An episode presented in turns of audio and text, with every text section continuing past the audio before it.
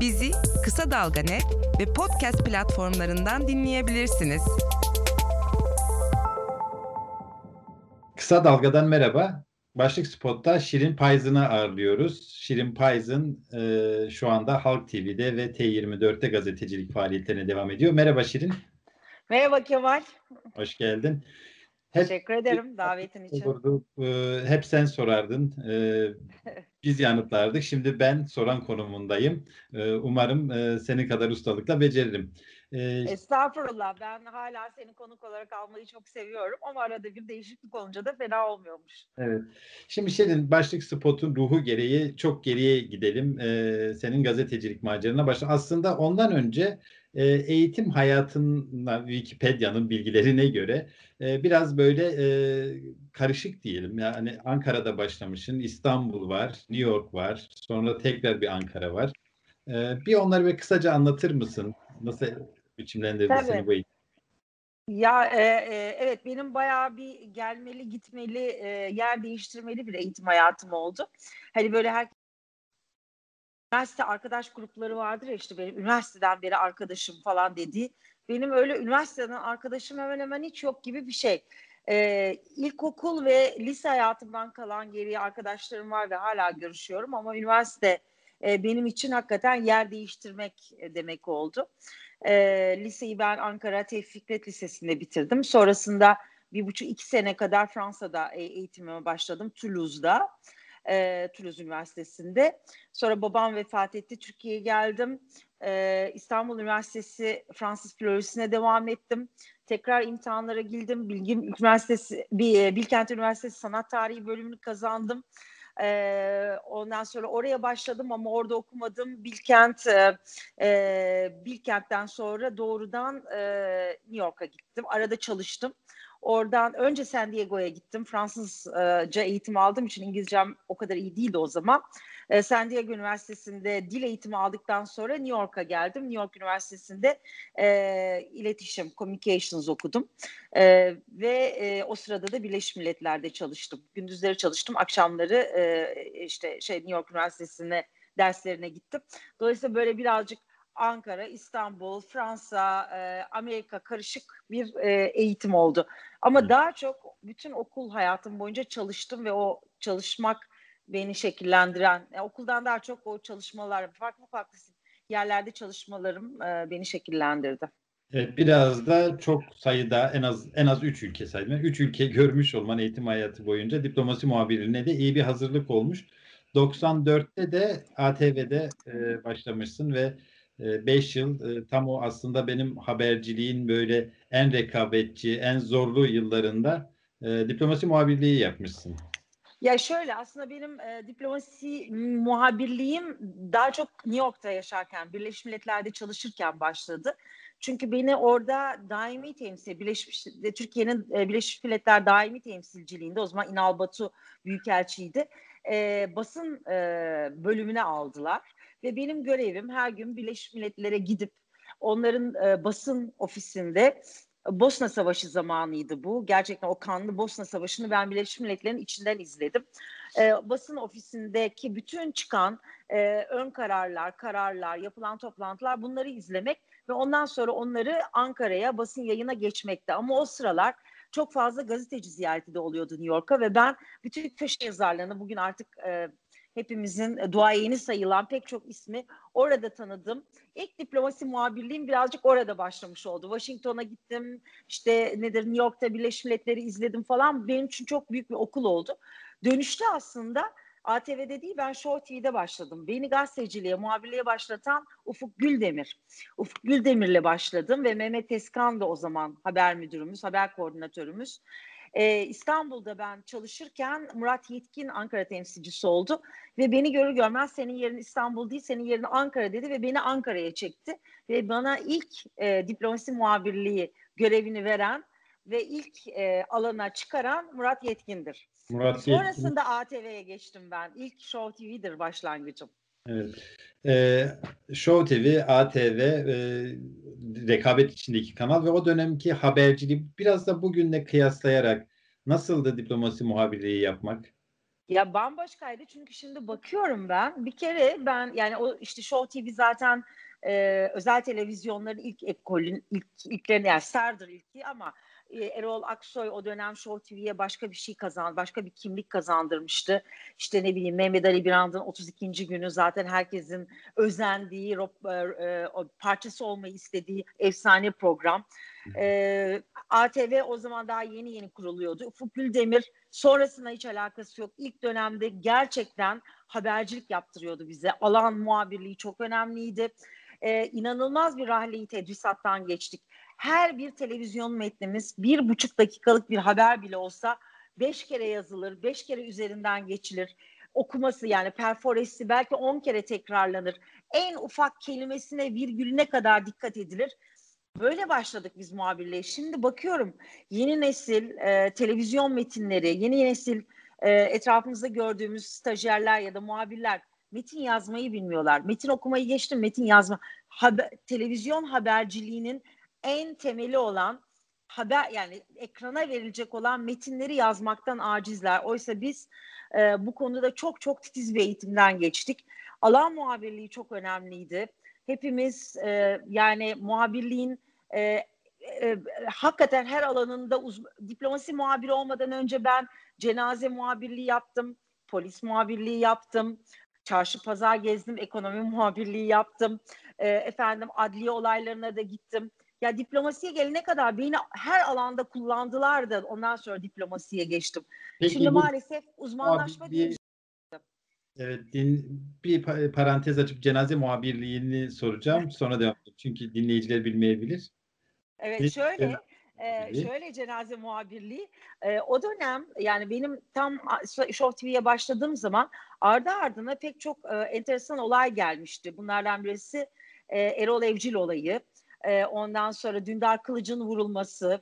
Bugünlerde çok konuştuğumuz Alaaddin Çakıcı'nın eşi Uğur Çakıcı'yı, karısı Uğur Çakıcı'yı Uludağ'da e, çocuğunun gözü önünde vurması. E, bir takım mafya devlet ilişkileri ve bunlardan kaynaklanan e, ve böyle izlenmesi gereken önemli cenaze, hastane gibi işler. Şimdi evet seyirciler diyebilirler bu ne iş diye. Mesela Ufuk Güldemir beni oralara gönderiyordu. Ben günlerce Dündar Kılıç hastanede yatarken e, orada muhabirlik yaptım. E, kapıda bekledik. Çıkıp da birileri bir açıklama yaparsa ya da enteresan birileri onları ziyarete gelirse diye deli gibi beklerdik yani böyle e, yani deli gibi derken hakikaten böyle bir adanmışlık şeklinde acaba küçük bir görüntü alabilir miyim? Acaba mikrofon uzatabilir miyim? Acaba bir devlet yetkilisi gelir de ben bunu atlar mıyım? Aman atlamayayım gibi muhabirliğin alanları vardı. Ee, işte meşhur birisi vefat ettiği zaman onun cenazesine gitmek önemliydi. Ya buralardan yetiştik. Ama bu magazinsel bir şey değildi. Yanlış anlamasın seyircilerimiz. Bu hep e, yani o sırada bir açıklama olur mu? Küçük bir unsur gözümüze çarpar mı? Oradan e, bir bağlantı yakalanabilir mi? Bunun peşindeydik. Yoksa hani cenazelere meşhurlar katılmış orada ne yapmış değildi. E, dolayısıyla böyle böyle başladı. Lucky S hatırlarsınız belki Lucky S evet, e, gemisi o zaman yakalanmıştı. Bütün bunlar benim muhabirliğe başlamamın ilk olaylarıdır. Oradan geçerek diplomasiye doğru yürüdüm. Evet. Şimdi tabii bu muhabirliğin gözden düşmesinin çok nedenleri var ama e, bir kere en başta medyanın yapısı bunu e, baş, evet. e, muhabirliği gözden düşüren önce medyanın kendisi oldu. Sonra da e, AKP dönemiyle birlikte siyasal e, baskı nedeniyle de haber gözden düştü. Habere ihtiyaç kalmadı. E, tabii şimdi düşünüyorum o 18 yıldır AKP iktidarda hani yaşı 25-30 olanlar hakikaten 90'lı yılların yani önceki Türkiye'nin medyasından bir haberdiler. Hep böyle bir bir işte belki 28 Şubat e, ve e, devlet baskısıyla anılıyor. Evet bunlar vardı ama aynı zamanda e, farklı biçimde bir haber yarışı vardı. Sen nasıl değerlendirirsin bilmiyorum ama şöyle görüyorum ben. Şimdi çok yekpare, çok partizan e, bir e, medya e, ortamı var. O zaman evet yine medya üzerinde etki etmek isteyen çeşitli güç odakları vardı. Asker başta bunu yapmak istiyordu, hükümetler yapmak istiyordu, etki etmek istiyorlardı ama güç tek kişide ya da tek bir odakta toplanmadığı için çok çeşitli alanlar, çok çeşitli kanallar bulup tırnak içinde olabildiğince özgür habercilik e, böyle deyince tabii e, önceki medya özgürdü demiyorum ama olabildiğince e, ya da şimdiye göre çok daha fazla özgür alanlarımız vardı değil mi? Ya kesinlikle Kemal. Yani ben e, işte 90'ların başı biliyorsunuz yani şimdi o e, devlet mafya ilişkilerini anlattım ama onun devamı e, Susurluk'la geldi. Onun devamı yine e, Güneydoğu ve e, Doğu'da e, operasyonlarla devam etti. O dönem e, Irak Kürdistan'ı demiyorduk, Kızıl Irak diyorduk ama e, işte Birinci Körfez Savaşı sonrası bölgedeki yeniden yapılanma vardı. Barzani ile yeni başlamış ilişkiler vardı. Ben mesela çok uzun süre Bağdat'ta görev yaptım. Ee, işte o dönem Bağdat bombalandı, bombalanacak falan. Yani ATV dönemimi anlatıyorum. Ama bütün bu e, hem e, bölgedeki gerginlik ve de çok yoğun siyasi birbirinden farklı e, olaylar ve Türkiye'nin içinde bulunduğu siyasi konjonktür, siyasi e, e, duruma rağmen biz hala gazetecilik yapabiliyorduk. Bakın ATV'deyken e, Çiğdem Anat o dönem m, hakikaten duaye muhabirdi ve çok iyi işler çıkarıyordu. Yani gidip mesela yine de Cizre'den haber geçebiliyordu. Ee, ve ya, evet tamam askerlerden andı çiğmişti. Ayşenur Aslan'la Ali Kırca onu bir süre askıya almak zorunda kalmışlardı gelen baskılar nedeniyle ama ATV hiçbir zaman kapatılma cezası almadı. Hiçbir zaman ATV'ye vergi cezaları kesilmedi.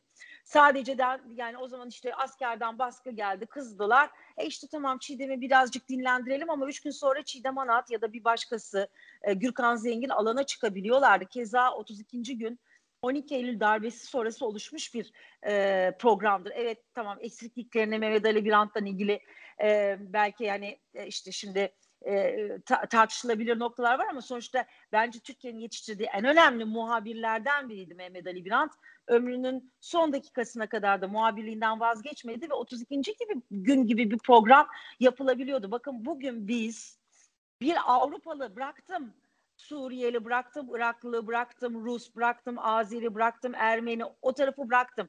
Herhangi bir Avrupa Birliği üyesi ülkenin lideriyle röportaj yayınlamıyoruz, yayınlayamıyoruz, yapamıyoruz.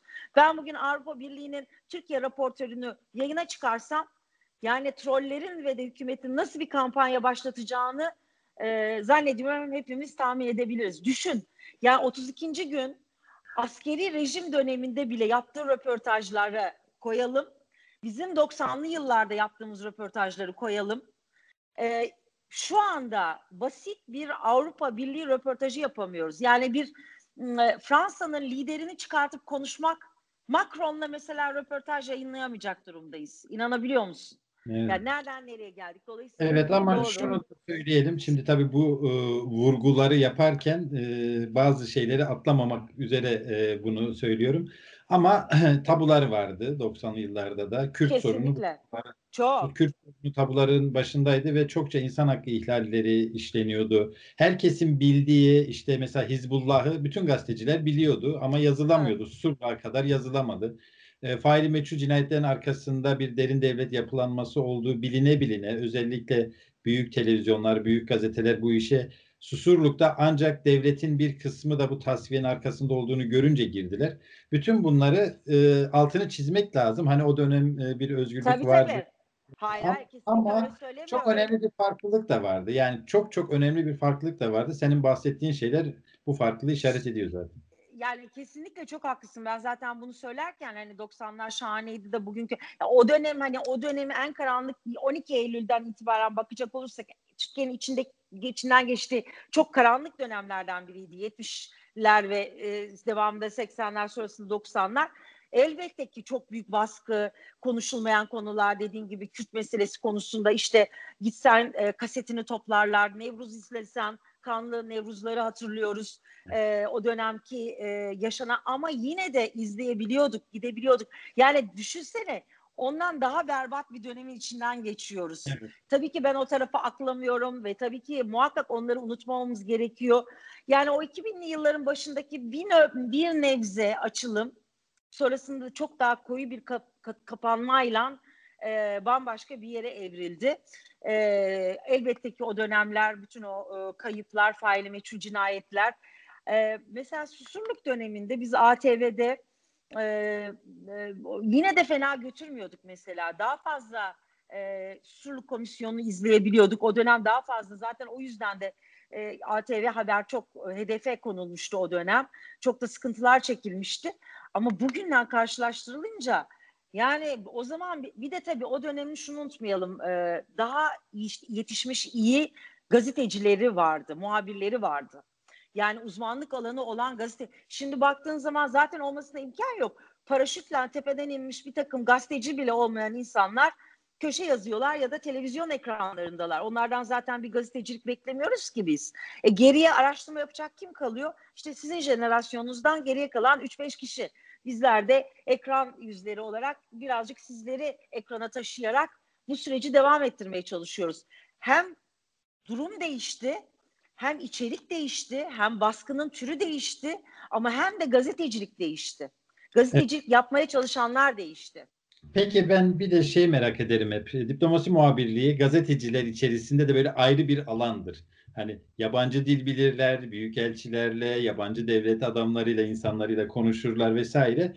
Dolayısıyla hep böyle bir e, hatta esprisi boldur biliyorsun. Monşerler e, Ve e, ama diplomasi muhabirliğine yönelik çok da böyle bir e, farklı da bir yönelim olduğunu da biliyorum. Yani çünkü doğrudan devlet meseleleriyle ilgilisiniz.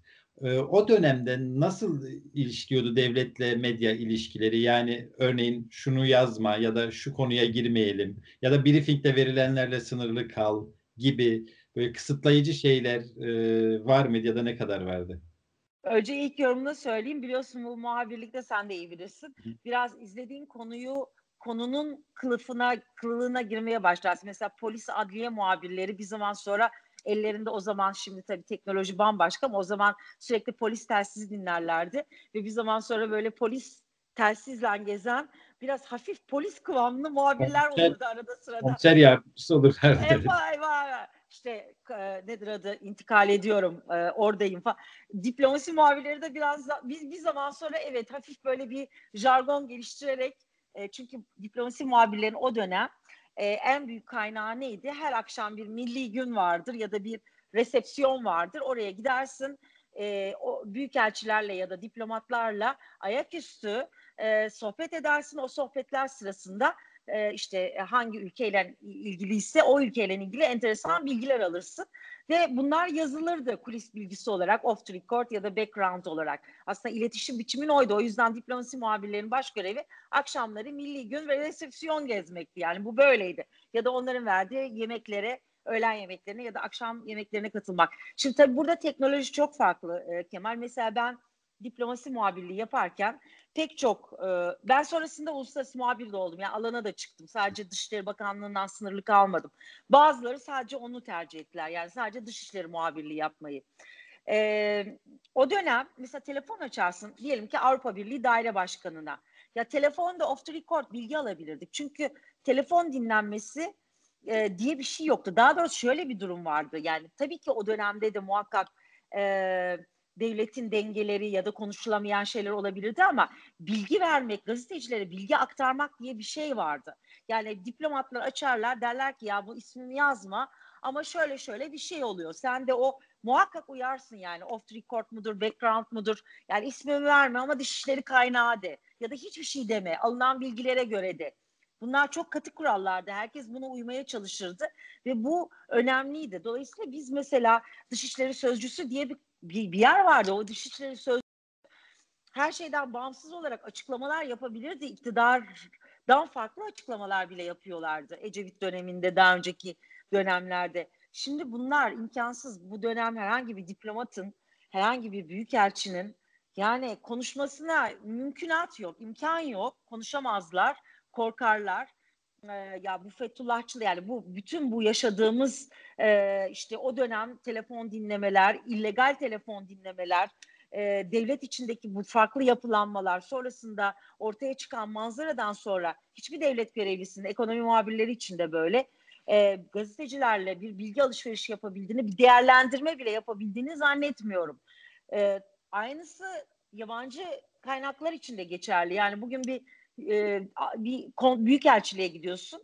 Üç gün sonra kendini troller tarafından Alman ajanı olarak ilan edilmiş bulabiliyorsun. Oysa ki bir gazetecinin görevi o ülkede görev yapan büyük yabancı misyonlarla da ilişki geliştirmektir değil mi normal olarak yani Gazeteci Amerika bu konuda ne diyor diye. Yani. Aynen. Bu en temel gerçeği sürekli hatırlatma gereği duyuyoruz. Herkesle görüşür gazeteci. Yani Kandil'e de gider. E, efendim Büyükelçilik resepsiyonuna da gider.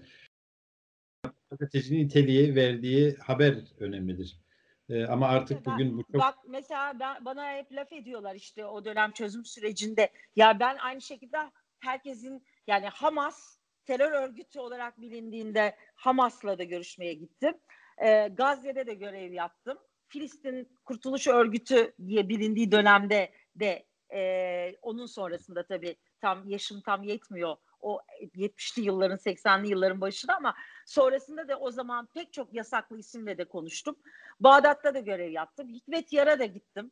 Yani sonrasında lanetli ya da işte e, sakıncalı ya da asla diye Avrupalıların, Amerikalıların ya da Türkiye'nin ilan ettiği pek çok isimde görüştük sadece ben değil. Çünkü işimiz bu.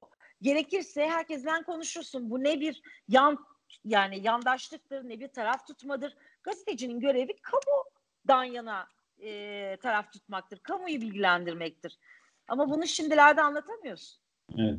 Yani çözüm sürecinde Kandil'e gitmeye kalmadı. Hani söyleşiler yapılıyordu, yayınlanıyordu. Sen de gittin e, sanırım. Ve e, bundan ötürü de şimdi e, bu görüntüler sanki bir suç unsuruymuş gibi tedavüle sokuluyor. Halbuki o dönemin ruhu gereği örneğin Öcalan'ın Nevroz'da okuduğu mesaj e, televizyonlarda canlı yayınlandı ve e, bunun üzerine başbakan açıklama yaptı, tartışmalar oldu. Devlet görüşüyordu bir kere yani devletin görüştüğü birinden söz ediyoruz. E, dolayısıyla hakikaten bunların e, yarattığı tazik gazeteciyi çok geriletti. Çünkü insanlar artık korkuyorlar yani herhangi bir şekilde Tabii. bugün e, bırak e, kandili vesaire yasal partilerle söyleşi yapmak bile çok ciddi risk haline geldi.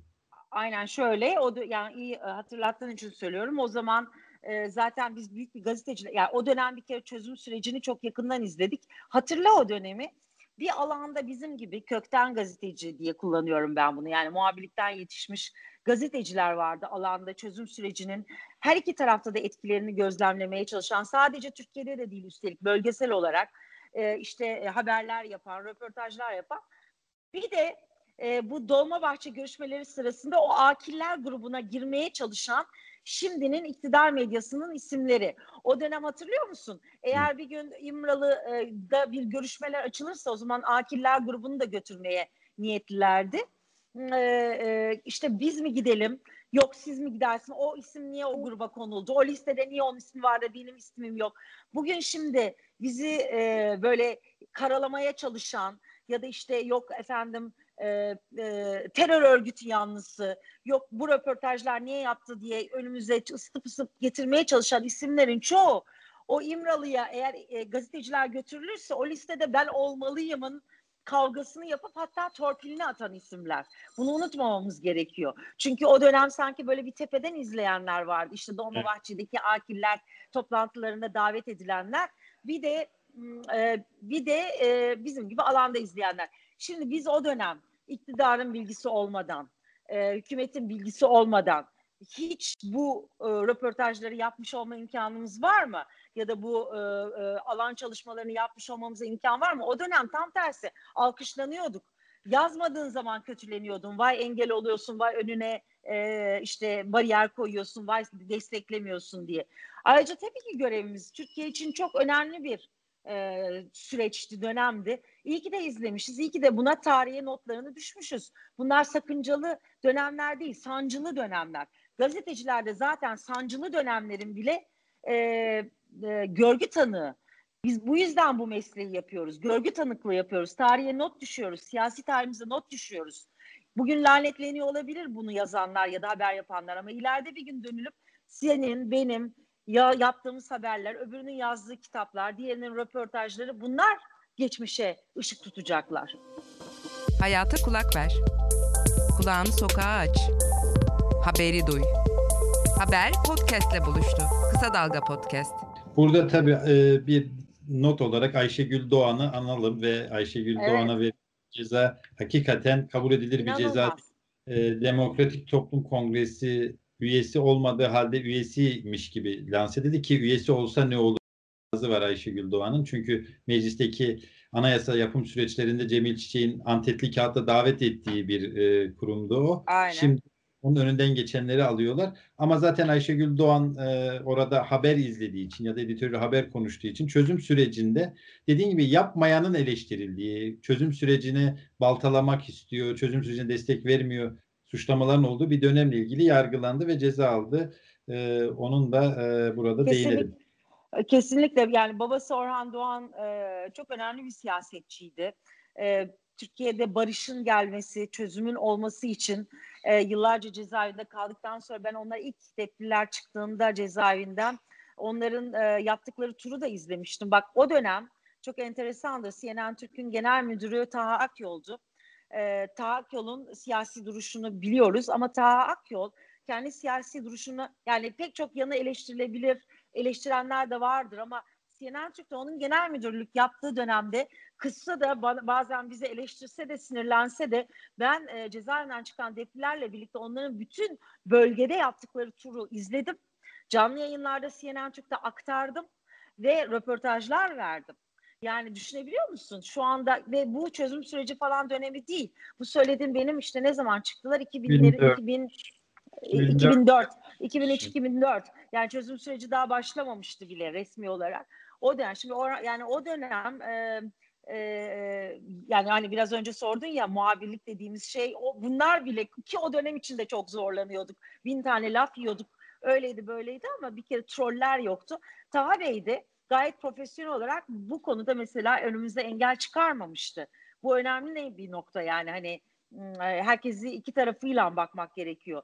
E, dolayısıyla şimdi Orhan Doğan'dan bahsetmişken işte Şerafettin Elçi'nin meşhur lafı vardır. Biz son jenerasyonuz. Bizden, bizden sonrası çok zor olacak demişti. Orhan Doğan da o döneme e, o dönemin siyasetçilerinden, Kürt siyasetçilerinden bir tanesiydi. Kızı Ayşegül Doğan önemli bir gazetecidir e, ve bence e, gerçekten e, yani e, gazeteci olarak da e, her zaman çok iyi işler yaptı.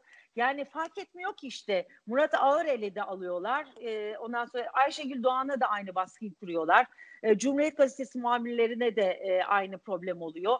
E, yani bu aslında bir anlamda devletin ne kadar e, sıkıştığını ve acizini gösteriyor bize. Yani ısıtıp ısıtıp geriye 5 sene 10 sene önceki tweetlere dönüp davalar açmak e, sıkıştığın anda e, gazetecilere yeni yeni suçlamalar getirmek, boş iddianamelerle ya bunlar sonuçta kime zarar veriyor? En fazla da ülkeye zarar veriyor. Peki e, CNN dönemine geldik o zaman. E, kronolojiye geri dönelim. 2000'li yılların başlarında e, CNN'deydin ve e, o dönem aslında hükümetin de politik stratejisine uygun olarak biraz medyanın da görece daha rahat olduğu tırnak içinde e, ve de e, hükümetin de baskı kurmadığı ya da kuramadığı bir dönemdi. E, o dönemi nasıl geçirdin e, ve bu bugün yaşadığımız şeylerin ipuçları o dönemde de var mıydı?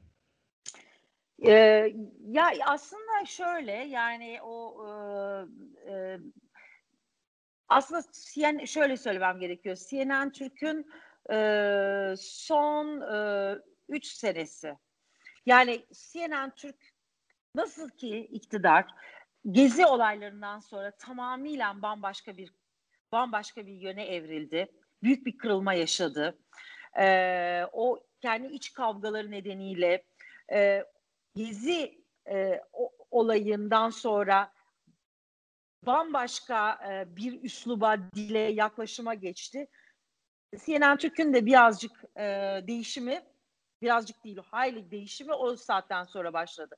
Şimdi ben şunu söylemek isterim. Aydın Doğan e, eleştirilen bir patron. 90'lı yıllarda işte kartel medyası olarak tanınan, ben hem Aydın Doğan'la hem Dinç Bilgin'le çalışma e, fırsatı bulmuş oldum. Hem ATV'de sonrasında CNN Türk'te.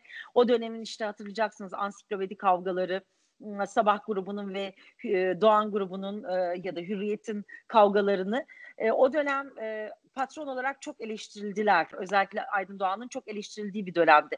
Fakat CNN Türk'teyken biz yani kuruluşunu söylemiyorum ama son dönemlerinde Aydın Bey'e haksızlık etmek istemem. Aydın Bey hakikaten e, olabildiğince durmaya çalıştı. Yani e, ve çok yalnız da bırakıldığını düşünüyorum durmaya çalıştı. Arkamızda durmaya çalıştı. E, tabii ki çok yanlışlar. Büyük e, trollerin laflarına, bir takım böyle ekranlardan tehdit eden isimlere, onların söylediklerine, kendilerine e, ün ve e, şöhret devşirmeye ve bunu da hakaret ederek işte tutuklanacaksınız diyerek ya da işte böyle çok önemliymişler gibi kendilerini satmaya çalışanlara onların laflarına bakılarak CNN Türk'ün yayın politikası belirlenmeye çalışıldı. Pozisyon almaya çalışıldı. Bu da CNN Türk'ün aslında bitişi oldu. Yani aslında bu tartışma programları gerçekten CNN Türk'le başladı diyebiliriz. Ee, enteresan aslında bir biçimde. Bir ondan önce siyaset meydanı vardı ama formatı farklıydı. Ee, siyaset meydanı Ali Kırca ile şimdi e, YouTube'da bazen bakıyorum hakikaten ilginç şeyler var. Yani şimdi asla ol, kurulmaz o meydan. Yani işte e, her kesimden insan var ve çok radikal şimdi e, siyasetçilerin bile söylemeye korktuğu Kürt meselesi üzerine e, vesaire Tabii. ciddi e, tartışmalar dönüyordu. Hani ama sonra bu iş biraz tartışma programlarına evrildi. Şöyle aslında Kemal enteresan bak işte demin demin ilk başta söylemeye çalıştığım oydu. 90'lı yıllar şahane miydi? Değildi ama yine de siyaset meydanı yapabiliyordun dediğin doğru. Daha geçen gün Ali Kırcaylan telefonda konuştum. Uzun uzun siyaset meydanının biraz formatı üzerine de konuştuk. Ali abi de dedi yani artık ben bugün e, bu programın asla yapılabileceğini düşünmüyorum. O yüzden siyaset meydanı gerçekten bir klasik olarak rafa kaldırılmış ve orada da kalacak. Bir daha onun üzerine başka türlüsünü yapabilecek bir e, en azından şimdilik bir yayın kuruluşu olduğunu zannetmiyorum dedi. Çok doğru. Düşünün ki tam tersi olması gerek. Bahsettiğimiz 96-99 yılları.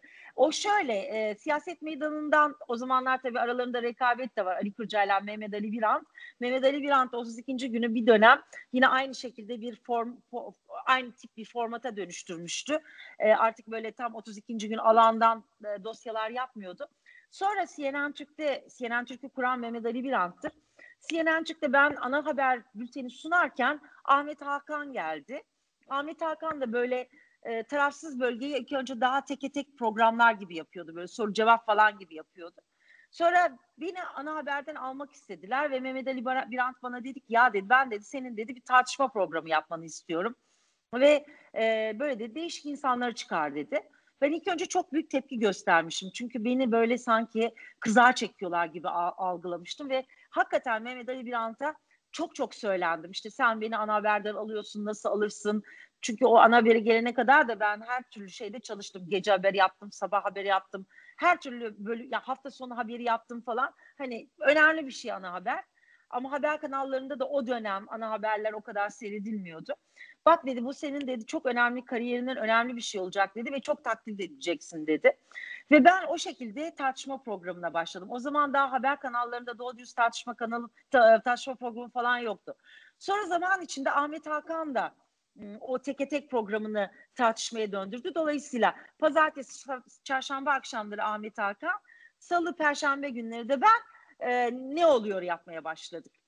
Ve gerçekten böyle başladı. Diğer kanallar sonrasında geldi. Zaten o dönem NTV pek e, basın kulübünü yapıyordu galiba. Çiğdem Ana NTV'ye geçmişti ama önce evet hayır yaptı. Sonra o kadınlarla bir şey yaptı. Yani ilk tartışma programı CNN Türk'te başlamıştır. Ve Mehmet Ali Birand'ın fikridir. Ne birazcık 32. gün ne siyaset meydanı falan. Ama o dönem e, şöyle söyleyeyim. E, Balyoz ve Ergenekon'a kadar aslında biz pek çok konuyu konuşabiliyorduk. Yani ben er, Ermeni meselesindeki Ermeni Ermenistan'la açılımı tartıştırdığımı biliyorum. Ee, yani 32 ne oluyor? Salih Müslüm'ü çıkardım ben. Ee, Selahattin Demirtaş'ı falan söylemiyorum zaten. Ne bileyim e, kanlı bir Mayıs'ı bütün e, sol fraksiyonlarla hepsini bir araya toplayarak tartıştırdım. Kavga çıktı. Yani e, ne bileyim bugün e, cezaevinde olan pek çok ismi rahatlıkla çıkarabiliyorduk. Gerek Ahmet Hakan gerekse ben. Sonra dediğim gibi çözüm süreci sırasında inanılmaz yayınlar yaptık. Yani bunların çoğuna sen de katıldın. Sonra ne olduysa oldu zaten işte dediğim gibi Gezi'den sonra Gezi kırılmadır. Çok farklılaştı. Bugün artık tartışma programı falan yapılmıyor. Yani biz Halk TV'de biraz daha devam ettirmeye çalışıyoruz ama bizimki de bir tartışma programı değil. Çünkü biz de e, başka kanallarda çıkarılmayan isimleri çıkarmaya olabildiğince tartışma değil de fikir ve konuşma programı yapmaya çalışıyoruz Emin ve Kadri ile. E, haberciliğe önem vermeye çalışıyoruz. E, o yüzden yeni jenerasyonun, yeni jenerasyon gazetecilerin ön plana çıkmasına çalışıyoruz ama bizimki de sonuçta bir tartışma programı değil. Çünkü karşı, karşında tartışabileceğin aklı fikri yerinde kimse yok. İktidarın sözcüleri Peki, var.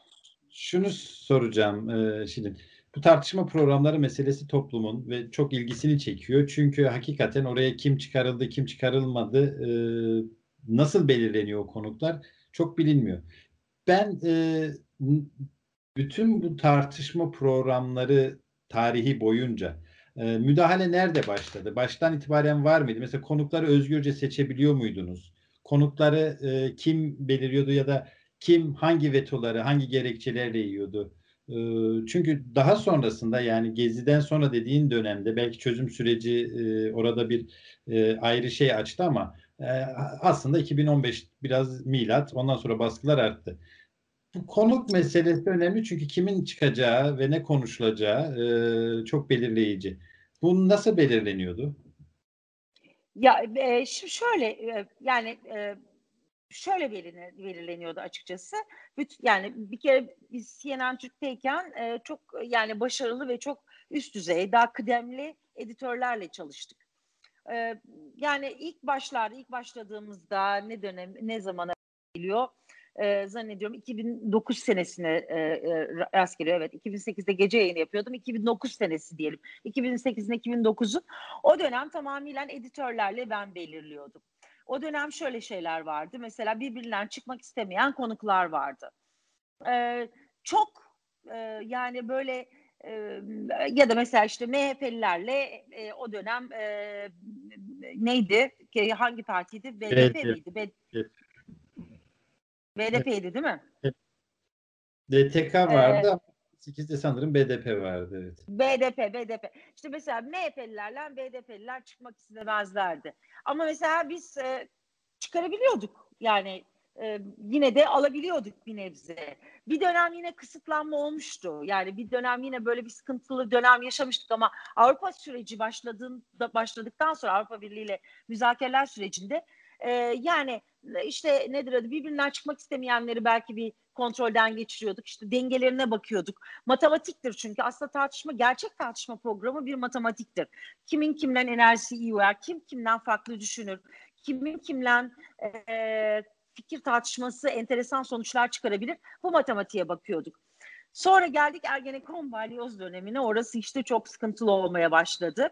Çünkü o dönem e, aslında bugün FETÖ'cü ilan edilen ve cemaatin isimleriyle isimleri hükümet tarafından belirleniyordu. Yani o dönem hükümetle cemaat aynı oldukları için mesela bir takım hiç tanımadığımız avukatlar, savcılar, gazeteciler bazıları içinden diyorduk mesela aa Şirin hatırlıyor musun biz seninle Ankara'da ne beklerdik başbakanlığın önünde falan hayatımda ilk defa görüyorum. Hiç hatırlamıyorum bile bir şey öyle bir şey Ankara'da. Böyle yeni yeni isimler meydana çıkmıştı. Peki kim o onlar? Bir dakika şeyi merak ettim. Ee, o konuk listelerine nasıl giriyordu? Kanal yönetimi mi bunu söylüyordu? Bunları alacaksın. Hayır kanal listelerine yok yok konuk listelerine kanal söylediği için değil. O dönem zaten bunların hepsi iktidarın e, iktidarı yansıttığımızı düşündüğümüz gazetelerde köşe yazarlarıydılar. Anladım. Star gazetesinde yazıyor, Yeni Şafak'ta yazı yazıyor, Zaman'da yazı yazıyor. Yani zaman mesela bize pek çıkmazdı açıkçası. En azından benim programa çok yaz. Ama böyle yazı yazan insanlar vardı. Şimdi Ergenekon Balyoz dönemi. Mesela Ergenekon Balyoz döneminde muhakkak ve muhakkak biz e, o dönemin avukatlarını mesela CNN olarak bu dengeyi korumaya çok özen gösterdik Allah için. Yani burada Ferhat Boratav e, hakikaten çok deneyimli bir, e, tecrübeli bir gazeteciydi. E, gerek e, Tahakkül gerekse Mehmet Ali Birant o dönem e, hakikaten dengeyi gözetmeye çalıştık. Yani e, evet o dönem dediğim gibi yani o dönem e, ne de, hatırlayın ne deniyordu? Ya ayrımız gayrımız yok ki iktidar ve biz yani cemaat diye bir şey yok. Biziz yani. Biz biziz bu dönemde. Dolayısıyla o dönem e, yani öyle tepeden şunları çıkaracaksınız, bunları çıkarmayacaksınız gibi değil. Dengeyi doğru kurun şeklinde ilerliyorduk. Ama sonrasında yani 17 20 e, e, neydi? Hmm, e, daha çok gezi olarak Pardon. 25 ve Gezi. 2013'te ikisi de. 25 evet 2017. Ondan sonra işte olaylar değişmeye başladı. Çünkü zaten cemaatle ilk kavgaların filiz yani filiz vermeye başladı ve bizim bunu okumaya, görmeye başladığımız dönemlerde e, evet o zaman işte artık yavaş yavaş e, ya acaba bu isimler hmm, o zaman işte kontrol daha fazla tabii ki CNN Türk yönetimine geçmeye başladı. Bizlerden biraz daha farklı olarak. Ama yine de söyleyeyim Kemal, biz yine de çok uzun bir süre e, dengeyi gözeterek götürmeye çalıştık açıkçası. Yani dengeyi gözeterek derken mesela ben uzun bir süre Selahattin Demirtaş'ı e, yayınlarıma alabildim. Bugün e, o dön ondan sonraki dönemde e, yasaklanan birçok ismi e, ya da yasaklanan derken almayalım denilen birçok gazeteciyi, akademisyeni ismi farklı formatlarda alabildim dediğim gibi. E, ama e, yani, gazeteli... yani son iki sene, üç sene son üç sene yani 2015'ten sonrası hemen hemen yani e, imkansız hale geldi. Çünkü toplam beş tane isim vardı ve sadece o beş ismin etrafında dönebiliyorduk. Ya ben şimdi çok o dönem... merak Şirin. Oraya programlara katılan biri olarak da. Yani kanal yönetimi şunu mu diyordu? İşte Kemal'i, Ahmet'i, Mehmet'i çağırmayacaksınız. Yani böyle bir liste mi vardı? Çağrılmayacaklar listesi mi vardı acaba? Ya da her programı denetlemiyorlardır belki ama e, ya da denetliyorlar e vardı mıydı? tabii. Yo yo her programda tabii. Yani belli bir liste e, vardı evet. Yalan söylemeyeyim şimdi. Vardı tabii ki.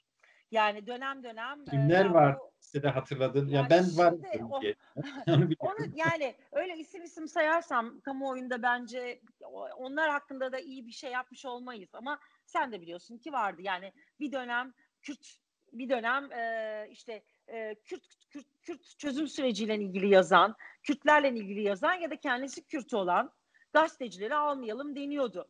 Ondan sonra bir dönem işte e, e, efendim Aa, bunlar artık herhalde cemaatçi bunları almayalım da bunlar artık iktidar kanadına çıktı.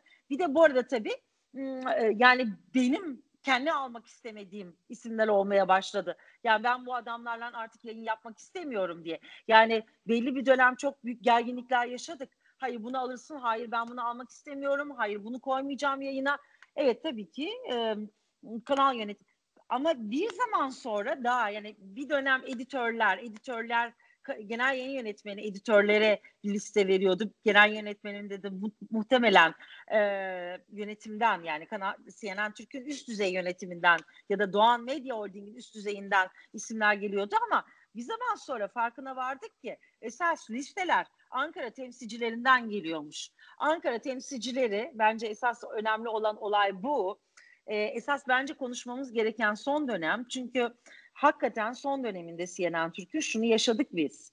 E, yani birileri bizim programlarımızın içeriğini, orada sorduğumuz soruları, çıkardığımız konukları, o konukların ne dediğini e, gidip saray, e, e, yani saraya ya da külliyeye artık ne dersiniz ben saray diyorum, saraya, Cumhurbaşkanlığına e, ve oradan aldıkları bir takım isimleri de getirip Aydın Bey'e ya da üst düzey yönetimine efendim bakın e, Cumhurbaşkanı da bunları sakıncalı buluyor. Ya da gidip efendim bakın e, CNN Türk e, Sayın Cumhurbaşkanım ya da ekibi bakın CNN Türk hala bu isimleri çıkarıyor diye bildiğimiz oradan oraya haber taşıma ve bunu da kimi zaman kendi inisiyatifleriyle yapma.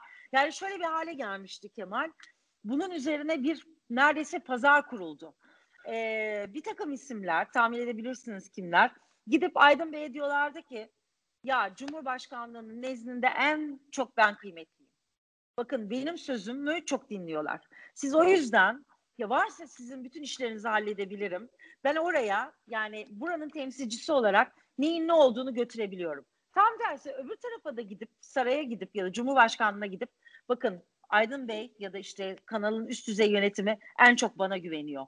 Varsa söyleyecek bir şeyiniz bakın bana güvenin ya bunun üzerinden kocaman bir pazar kuruldu. Peki Ankara temsilcileri dedin ama o dönem Ankara temsilcisi CNN'in e, Hande Fırat'tı.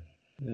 Artık valla işte o dönemi araştırın. Sonrasındaki isimler, onun öncesindeki isimler bunları biliyoruz. Gezi döneminde attığımız tweetler konusunda efendim bize sorulmadan tweet atılma, atılacak demeler, e, şikayet edilmelerimiz, E, ondan sonra bizim programa dediğim gibi çıkarılan e, konuklara müdahaleler. Açıp İstanbul'a bu konunun çıkarılmasını genel kuruma istemiyor, yok saray istemiyor, yok o istemiyor, bu istemiyor diye müdahale etmeler.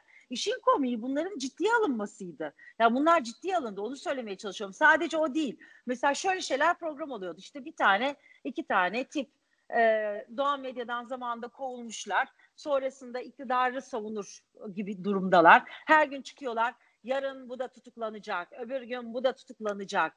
Daha öbürsü gün bu işte atılacak Doğan Medya'dan. Bak Aydın Doğan bunu bunu atmazsan senin de durumun kötü olur diyen isimler kale alındı. Biz bunu çok söyledik zamanında. Hem yönetime hem Aydın Bey'in kendisine açıkçası. O, Bunlara... sonra oluyordu bazen yani. Ol, olmuyor değildi ama yani o Hayır, isimler şunlar tutuklanacak dedikten sonra tutuklanıyorlardı. Evet bir dönem o tarafçılar dönemi. Ee, o dönem çok tutuklanıyorlar ya da tarafta Yok, da, e, da yani, sonra Cem diğer... Küçük Cem Küçük'ün işaret ettiği birçok Cumhuriyet Gazetesi soruşturmasından tut da baş bir sürü yer, isme kadar Cem Küçük önceden ilan ediyordu. Yani mesele o zaman şöyle anlatabiliriz herhalde. Bir takım gazeteciler bu Doğan grubunda da çalışan Ankara temsilcileri diye sen söyledin. E, bunlar Saray'la Doğan grubu arasında bu liste işini e, yürütüyorlardı ve bazen de istismar ediyorlardı. Ama şu gerçek herhalde saraydan da bir liste veriliyordu bunlara. Ama onlar e, kişisel e, bir takım iliş durumlarını da bu listelere etki edebiliyorlar. Yani, ya şimdi kendinizi öyle pozisyona koyduğunuz zaman yani öyle bir e, gazeteciliğinizi böyle tarif ettiğiniz zaman yani ben hem sarayın hem e, patronun ilişkilerini kuran insanlarım dediğiniz zaman artık kim o listeleri yazıyor? O listeler kimin elinden geçiyor? Hangi birbirine içine geçmiş halkalar var? O halkalar birbirinden haberdar mı? hangi halkanın adamı öbür halkanın söylediği adama karşı bir de böyle şeyler yaşanıyordu. Mesela e, yani bir, ya bütün AK Parti içinden herkes sadece berbat ve ya mesela bazı biraz daha bir nebze daha hükümetin içindeki ya da iktidarın içindeki o dönem daha başkanlık sistemi geçmemişti. Hükümet diyebilirim. Hükümetin içindeki bir iki daha aklı başında insanı çıkartıyordun. Saraya yakın başka bir halkanın içindeki adamlar vay bunlar niye konuştular diye kendi aralarındaki klanlar savaşına da tutuşuyorlardı. Çok acayip bir durum. Yani orada sadece e, basın içindeki savaş yok. Bir de orada yaşanan, hükümet iktidar cephesinde yaşanan iç savaşlar var. Ve o dönem onun içinden de çıkan listeler, işte o isim olmasın, bu isim niye CNN Türkiye çıktı, bu niye çıkarılmadı, vay o niye konuştu, konuşamaz. Bütün bunları yaşadık. Ee, dediğin doğru e, hedef gösterilen pek çok isim evet içeri alındı. Evet birçok isim aslında operasyonel olarak görev yaptılar. Onlar böyle kullanıldı. Hem cemaat tarafından hem iktidar tarafından o dönem. Ama sonrasında da bütün bu insanlar bu devşirdikleri gücü kendi medyalarını yaratmak ya da kendi güçlerini yaratmak için de aslında e, gerçek sahip oldukları güçten daha fazlasını varmış gibi gösterdiler. Ve benim üzüldüğüm koca koca medya grupları bir araya gelseler ne kadar önemli bir güç. Yani bunu şöyle kullanıyorum. E, o e, hastalıklı medyanın gücü olarak kullanmayalım. Manşetlerle iktidar düşünen, iktidar değiştiren o anlamda düş söylemiyorum. Ama, Ama gazetecilerin olarak kullanıyorsun. Evet ama yani, yani şöyle kullanıyorum. Yani sonuçta basının özgürlüğünü korumak yine gazetecilere düşüyor. Bu konuda hakikaten basının çok büyük suçu var. Köşe yazarlarının sendikalı ol, olunmamasının, ondan sonra işte e, bu sarı basın kartı inisiyatifinin e, şeye bırakılması, hükümete, iktidara, basın yayına bırakılması, bunun için mücadele edilmemesi, köşe yazarlarının uçaklara binip buradan muhabirlik kurumunu öldürmeleri, iktidarın sadece AK Parti döneminde daha önce de Çillerin uçağına binenler ve Yılmaz'ın uçağına binerler. Şimdi onlar da daha farklı bir durumda değillerdi yani o dönemi de hatırlayalım. İşte geceliğin beni bakan aradı ve dedi ki falan yani hani vardı ya o dönemleri yani onlar zaten bu dönemin birazcık da altyapısı oldu. Ama ne olursa olsun sonuçta gazeteciler bir demokrasi için çok önemli. Ya o gücü sağlayamamış olmak ee, ve işin kötüsü bütün grupların yani çok klasik olacak ama herkesin işte çıkarı var. Kiminin enerji yatırımı, öbürünün banka yatırımı, daha öbürünün maden işi, öbürsünün e, efendim e, restoranları falan derken e, ne oldu? Sonuçta bu 3-5 tane kendinden de biraz menkul adamın o seni batıracağız, sana öyle olacağız, böyle yapacağız laflarıyla iyice savrulduk gittik. O noktadan sonra e, liste savaşlarından da ben yani en son şunu yaşadığımı biliyorum. Aydın Bey bir gün beni çağırdı ve şunu söyledi. Birileri e, benim ha, bir tane bir dönem bir noktadan şöyle şunu söyleyeyim. Benim e, HDP'lileri çıkarmamı kesinlikle yasaklamışlardı. Ben de bunu bir kere hatta yayında söyledim. Sonra trollerin e, şeyine e, nedir adı e, hücumuna uğradım tabii ki. Hakikaten HDP'lileri yasakladılar. Ne zaman yasakladılar? Selahattin Demirtaş seni başkan yaptırmayacağız dedikleri gün itibarıyla CNN Türkiye HDP'yi ve de Selahattin Demirtaş'ı çıkaramamaya başladık. Bakın bunun mücadelesini ben çok verdim. O dönemdeki Barış Çınay, genel müdürümüz hakikaten çok verdi. Editörlerimiz çok verdi.